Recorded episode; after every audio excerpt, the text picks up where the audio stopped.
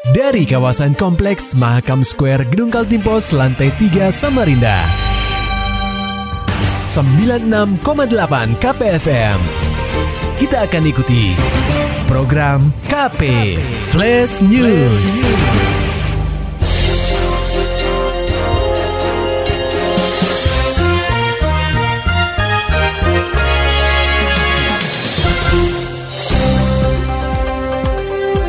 115 dokter meninggal akibat COVID-19, tiga di antaranya dari Kaltim. Informasi selengkapnya disampaikan reporter KPFM Samarinda, Maulani Alamin. Pendengar KP, tim mitigasi Ikatan Dokter Indonesia atau IDI melaporkan bahwa ada 115 dokter di Indonesia yang meninggal dunia akibat COVID-19 per 13 September 2020.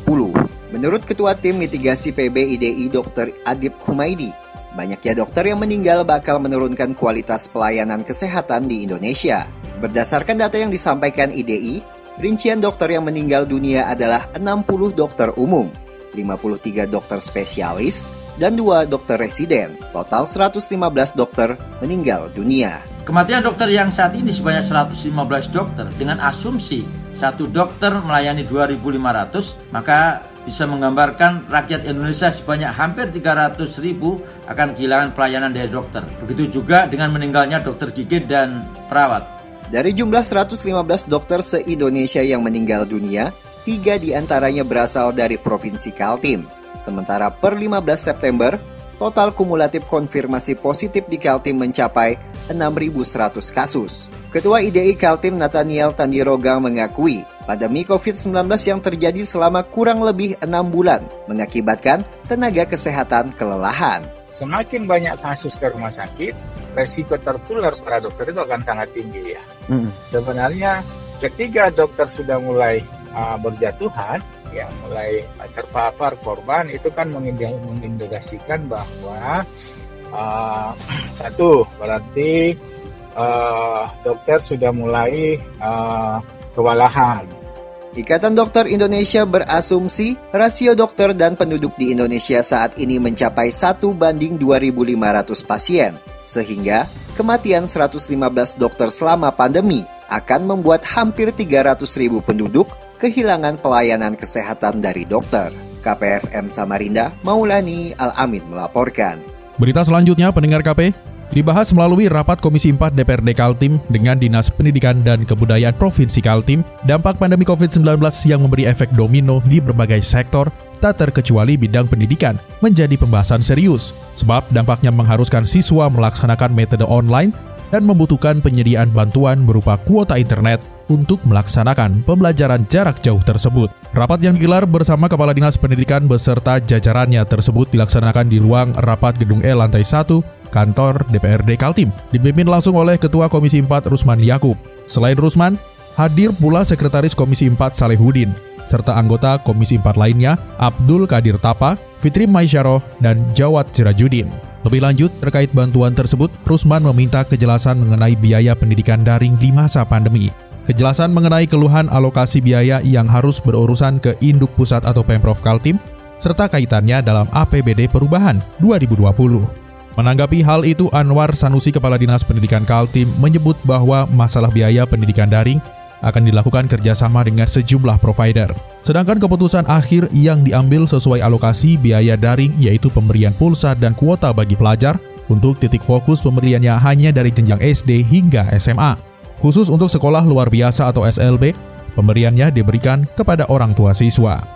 Sementara itu, anggota DPRD Kaltim yang juga rekan di Komisi 4, Jawat Sirajudin berharap pengoptimalan daring ini harus cepat diatasi. Dia mendorong untuk pengoptimalan Dinas Pendidikan lebih membuka ruang komunikasi dan koordinasi sehingga tidak hanya sendiri dalam pengoptimalannya. Berita selanjutnya, jumlah warga Samarinda yang terkonfirmasi positif COVID-19 sudah cukup mengkhawatirkan. Berdasarkan data dari Dinas Kesehatan Kota Samarinda, angka pasien terkonfirmasi COVID-19 sudah mencapai 1.602 kasus di mana 59 kasus di antaranya dilaporkan meninggal dunia. Sebagai upaya menekan penyebaran COVID-19, jajaran TNI, Polri, Dinas Perhubungan Samarinda, dan Satpol PP Kota Samarinda melaksanakan operasi justisi COVID-19 serta menegakkan peraturan wali kota atau perwali nomor 43 tahun 2020 tentang pendisiplinan dan kepatuhan terhadap protokol kesehatan. Pelaksanaan razia operasi justisi di Samarinda sendiri terpusat di kawasan tepian Mahakam, tepatnya di depan kantor perwakilan Bank Indonesia Kaltim, Jalan Gajah Mada pada Rabu 16 September 2020. Kabak Ops Polresta Samarinda, Kompol Erik Budi Santoso mengatakan, perlu adanya langkah konkret dari setiap instansi untuk menekan penyebaran COVID-19. Kita gabungan dari Pol PP, TNI, Polri maupun Dinas Perhubungan kita melaksanakan operasi justisi COVID-19 dan juga penegakan perwali nomor 43. Tujuan kita saat ini adalah karena memang Samarinda sudah memasuki zona merah. Untuk hari ini yang terpapar COVID-19 sudah 1.600 orang, yang meninggal sudah 81. Sehingga perlu adanya langkah-langkah konkret dari kita semua secara seluruh instansi bergerak untuk memutus mata rantai penyebaran COVID. Beberapa pengguna jalan yang kebetulan melintas, baik roda 2 maupun roda 4 diminta berhenti ke tepi jalan jika ketahuan tidak mengenakan masker. Tidak hanya itu, Erik menyebutkan pihaknya juga memberikan sanksi sosial sebagai efek jerah bagi para pelanggar. Hasilnya untuk hari ini kita melaksanakan razia di jalan. Untuk yang tidak tidak menggunakan masker kita berhentikan, terus kita berikan sanksi sosial berupa menyapu rumput-rumput, menyapu daun-daun kering dan juga kita berikan masker. Serta kita berikan himbauan untuk selalu menggunakan masker, menjaga jarak dan menggunakan hand sanitizer ataupun cuci tangan. Salah satu pelanggar yang turut mendapat sanksi sosial menyapu kawasan tepian Mahakam, Muhammad Rizal mengaku lupa memakai masker lantaran buru-buru ingin pergi ke bank. Uh, jadi, jadi hukum apa, hukum apa tadi nih? Anu, apa? Bersih bersih bersih anu daerah sini. Jerah nggak? Jerah nggak kira-kira ini? Ya jerah jerah jerah jerah. Uh. Mas terus ada ini nggak mau menghimbau teman-teman yang lain nggak untuk? Ya saya himbaukan anu lah, pokoknya ikuti protokol lah sekarang lah kan untuk kesehatan kita bersama juga kan terutama sama Rinda sekarang makin parah untuk COVID-19 nya makanya kalau bisa ya itulah kurangi juga nongkrong-nongkrongnya malam kalau bisa ikuti aturan jam malam dari pemerintah gak usah ngelanggar-ngelanggar lah Rizal menuturkan dirinya sangat menyesal karena tidak memakai masker, sehingga rela menerima sanksi sosial yang diberikan. Dirinya juga mengimbau kepada masyarakat lain agar tetap mematuhi protokol kesehatan untuk kepentingan bersama. Berita selanjutnya, balap lari liar mulai merambah ke Samarinda. Sanksi pidana pun turut menanti para pelaku dan juga penonton aksi balap lari liar ini. Laporan selengkapnya akan disampaikan oleh reporter KPFM Samarinda, Muhammad Nur Fajar. Pendengar KP, aktivitas balap lari liar kian marak ditemukan di Samarinda. Tidak tanggung-tanggung, beberapa ruas jalan di kota tepian pun menjadi arena bagi muda-mudi untuk bersenang-senang. Tidak jarang pula mereka sampai menutup jalan raya hanya demi memberikan jalan bagi mereka yang akan berlomba. Aktivitas ini kerap dikeluhkan oleh pengguna jalan lantaran cukup membahayakan mereka. Menyikapi hal ini, Kasat Lantas Polresta Samarinda, Kompol Ramadhanil mengutarakan, aktivitas tersebut memang mengganggu arus lalu lintas. Bahkan, sanksi pidana dapat diterapkan kepada pelaku dan penonton balap liar sesuai pasal 12 Undang-Undang Nomor 38 Tahun 2004 tentang jalan. Ya sanksinya apa kalau kayak lantas itu kan dia itu kan untuk kendaraan yang bermotor dia ini kan. Uh, uh. Kalau untuk itu tapi kan dia mengganggu pengguna jalan lain, Komandan. Apa? Mengganggu jalur lalu lintas, Komandan nggak ada sanksinya kan di situ?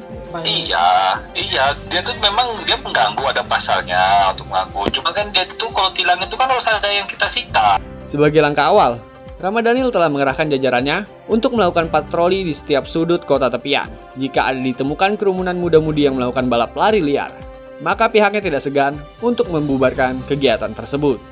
Itu himbauan tetap, karena kalau itu dilakukan, itu kan hal itu kan kalau balapan lari kan nggak salah. Iya. jadi salah kalau itu dilakukan di jalanan umum. Betul betul. Karena itu membahayakan baik dari mereka yang melakukannya maupun dari pengguna jalan lainnya. Siap kemudian apalagi okay. sampai mereka itu menutup jalan itu sudah uh, ini salah satu yang salah. gitu kayak mau melaksanakan jadi tempat-tempat misalnya kayak di gor apa itu eh, lapangan-lapangan yang tidak mengganggu. Lalu lintas silahkan siap kemudian gini gini gini itu aja Selain membahayakan diri dan juga pengguna jalan lainnya, balap lari liar juga kerap menjurus ke arah aktivitas perjudian. Ramadhanil menegaskan, jika memang terbukti ada aktivitas perjudian dalam balap lari liar, maka mereka juga bisa dijerat pidana yang lebih berat. Untuk itu, pihaknya akan berkoordinasi dengan jajaran Satreskrim Polresta Samarinda terkait penindakannya. KPFM Samarinda, Muhammad Nur Fajar melaporkan. Beralih ke dunia olahraga pendengar KB, Pengprov Asosiasi Bola Tangan Indonesia atau ABTI Kaltim melaksanakan seleksi terhadap atlet yang akan berlaga di PON Papua ke-20. Ketua ABTI Kaltim Suryadi Gunawan mengatakan, seleksi atlet ini digelar setiap seminggu sekali dan saat ini sudah memasuki pekan keempat. Di samping itu, Suryadi menyebutkan pihaknya berharap dapat melaksanakan tryout sebelum pelaksanaan PON Papua di tahun 2021 mendatang.